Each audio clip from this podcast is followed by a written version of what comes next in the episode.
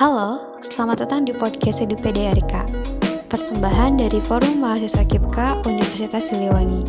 Podcast ini berisi edukasi dan sharing seputar dunia perkuliahan dan hal-hal inspiratif lainnya. Oke, udah penasaran? Kalau gitu, selamat mendengarkan. Selamat berjumpa kembali semuanya. Kembali lagi di Edupedia RK untuk episode kali ini mungkin sedikit berbeda ya dengan episode-episode sebelumnya. Sebelumnya selamat datang juga untuk para mahasiswa baru di perguruan tinggi kalian masing-masing. Karena mungkin kalian baru selesai ospek dan lain sebagainya.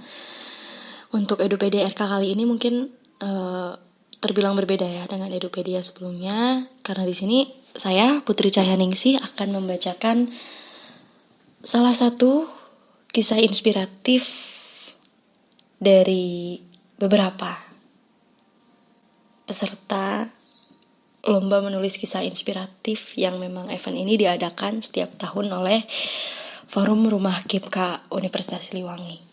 Kisah ini dituliskan oleh seseorang bernama Siva Fauziah yaitu seorang anak bungsu yang tinggal di kota Tasikmalaya sejak ia dilahirkan pada tanggal 8 November tahun 2000 sampai sekarang. Shiva ini kuliah di jurusan gizi. Tetapi meskipun demikian, ini tidak membuatnya berhenti untuk terus menjalankan hobinya yaitu menulis. Tahun ini, ia sedang mencoba bermigrasi dari seseorang yang selalu merasa takut gagal menjadi seseorang yang lebih berani untuk mencoba. Cita-citanya sangat sederhana. Ia hanya ingin orang-orang membaca beberapa hal yang tidak pernah ia ceritakan sebelumnya, dan ia berharap ada hikmah yang bisa orang ambil dari ceritanya. Gak usah lama-lama, mari kita langsung masuk aja ke cerita yang disajikan oleh Shiva Fauziah ini. Ceritanya ini berjudul Ternyata Aku Mampu. Hari Senin 16 Maret 2020 adalah hari yang bersejarah karena seluruh perguruan tinggi di Indonesia resmi ditutup sementara sebagai salah satu langkah yang dilakukan oleh pemerintah untuk mencegah penyebaran virus corona. Sehingga seluruh kegiatan belajar mengajar dilakukan secara daring. Hari demi hari kulalui dengan semestinya. Sebagai anak rumahan, Aku begitu menikmati proses belajar seperti ini. Namun, apa yang aku rasakan ternyata berbeda dengan yang dirasakan oleh orang lain. Banyak orang tua yang mengeluh karena kesulitan mengajar anaknya. Banyak pula pekerja yang mengeluh karena PSBB. Pembatasan sosial berskala besar ini berakibat pada berkurangnya pendapatan mereka. Ada juga yang merasa khawatir dan ketakutan, tetapi tidak terlalu mengerti tentang apa itu virus corona. Sehingga kebanyakan dari mereka mudah mempercayai berita-berita yang tidak jelas sumber dan kebenarannya. Sebagian orang bahkan tidak percaya akan adanya virus ini dan bersikukuh untuk menjalani kehidupan layaknya tidak ada apa-apa. Hal tersebut tentu menjadi salah satu PR-ku sebagai anak bidik misi Sedikitnya aku harus memberi pengertian kepada orang sekitar. Walau tak jarang aku mendapat ungkapan yang menyakitkan dari orang-orang yang pendapatnya tidak sama denganku. Ditutupnya perguruan tinggi awalnya direncanakan hanya akan diberlakukan selama dua minggu. Namun pada kenyataannya sudah hampir setengah tahun, bahkan lebih, belum juga dibuka. Berbeda dengan perguruan tinggi, pusat perbelanjaan dan tempat wisata perlahan-lahan mulai dibuka sebagai upaya pemerintah untuk kembali menstabilkan perekonomian negara. Orang-orang mulai menjalankan aktivitasnya seperti biasa, namun harus tetap mematuhi protokol kesehatan yang di antaranya adalah memakai masker, rajin cuci tangan, menggunakan barang-barang pribadi, menjauhi kerumunan, Pembatasan antar kota juga mulai dibuka, sehingga orang-orang mulai diperbolehkan untuk mudik. Berbagai alat transportasi umum juga mulai kembali beroperasi, namun tetap harus mematuhi protokol kesehatan. Karena bepergian keluar kota sudah mulai diperbolehkan, pada bulan Agustus aku dan keluargaku memutuskan untuk berkunjung ke rumah kakak pertamaku di Bandung. Kami ingin membalas beribu kerinduan yang sudah lama kami pendam. Perjalanan dilakukan di hari Minggu pagi dengan menggunakan mobil yang kami sewa dari seorang tetangga.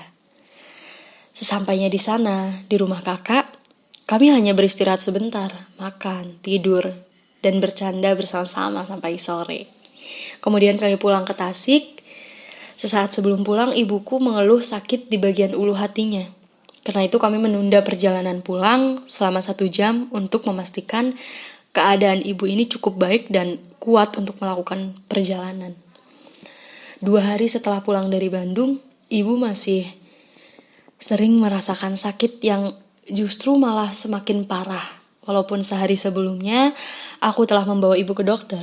Hari itu aku kedatangan dua orang teman kelompok P2K kami berencana untuk membuat sampel produk yang akan dipresentasikan saat sidang proposal PKM yang ternyata selesai kami buat sampai malam hari pada saat itu. Setelahnya aku menghadiri rapat bulanan Karang Taruna di kampungku. Sesaat sebelum melakukan laporan keuangan, seseorang memanggil-manggil namaku. Ternyata orang itu adalah kakak dari ibuku. Beliau memberikan kabar bahwa ibuku akan dilarikan ke rumah sakit tetapi menggunakan bahasa yang berbelit-belit sehingga membuatku panik dan menangis sambil berjalan setengah berlari menuju ke rumah. Sesampainya di rumah aku melihat ibuku dikerumuni saudara-saudaraku.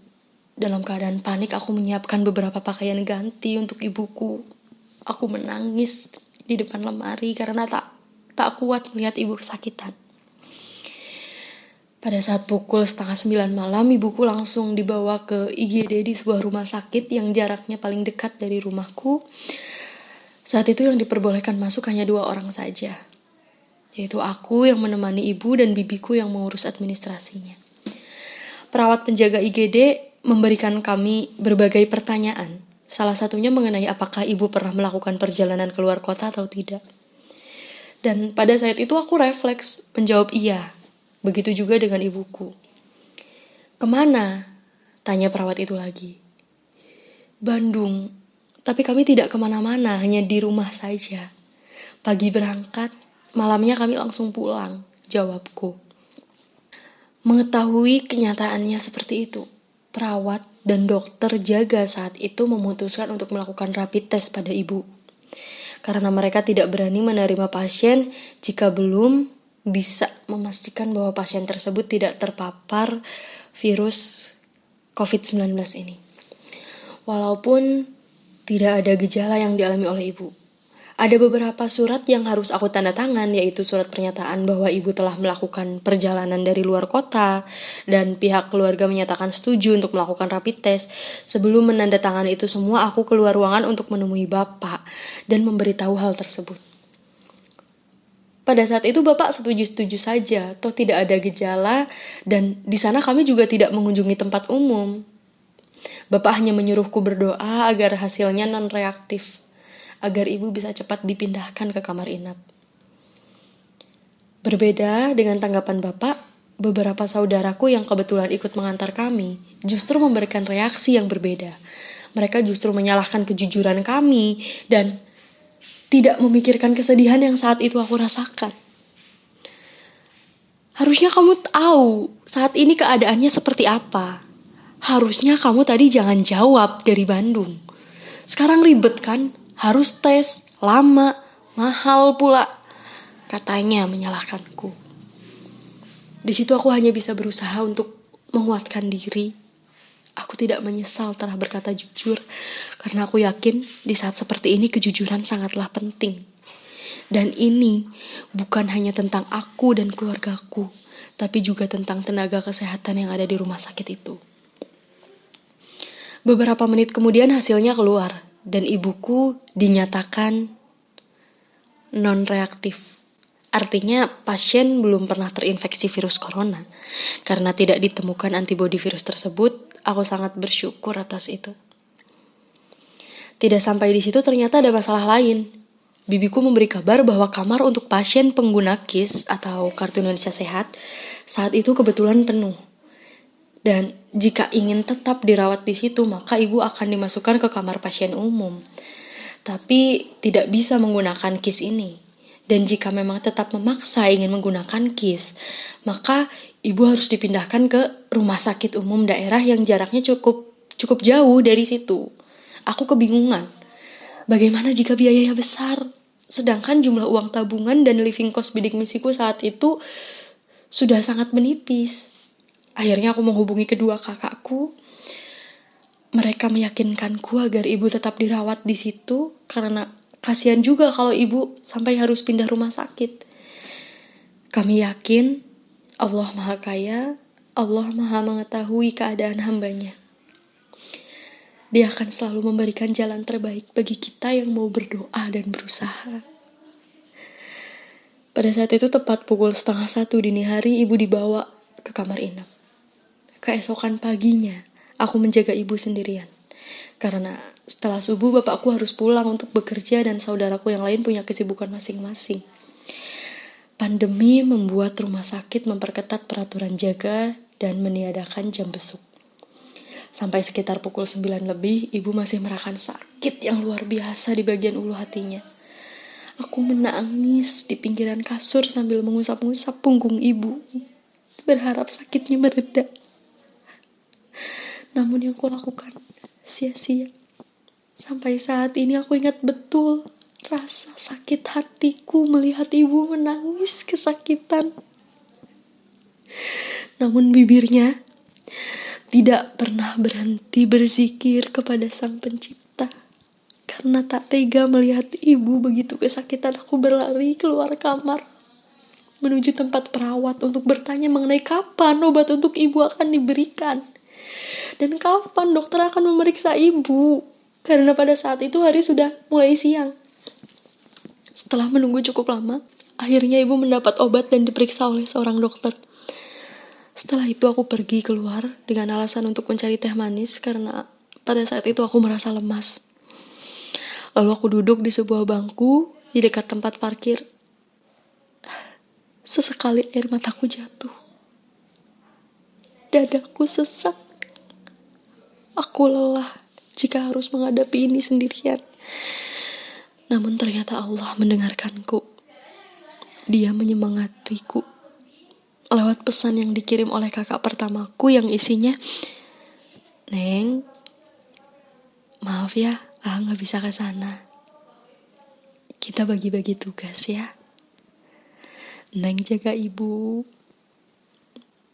Biar AA yang ikhtiar cari uang buat biayanya. Neng kuat ya. Bilangin ke ibu. Ibu gak usah mikirin biaya. Yang penting semangat biar cepat sembuh. Semoga kita semua berada dalam ridho Allah ya Neng. Seketika air mataku jatuh.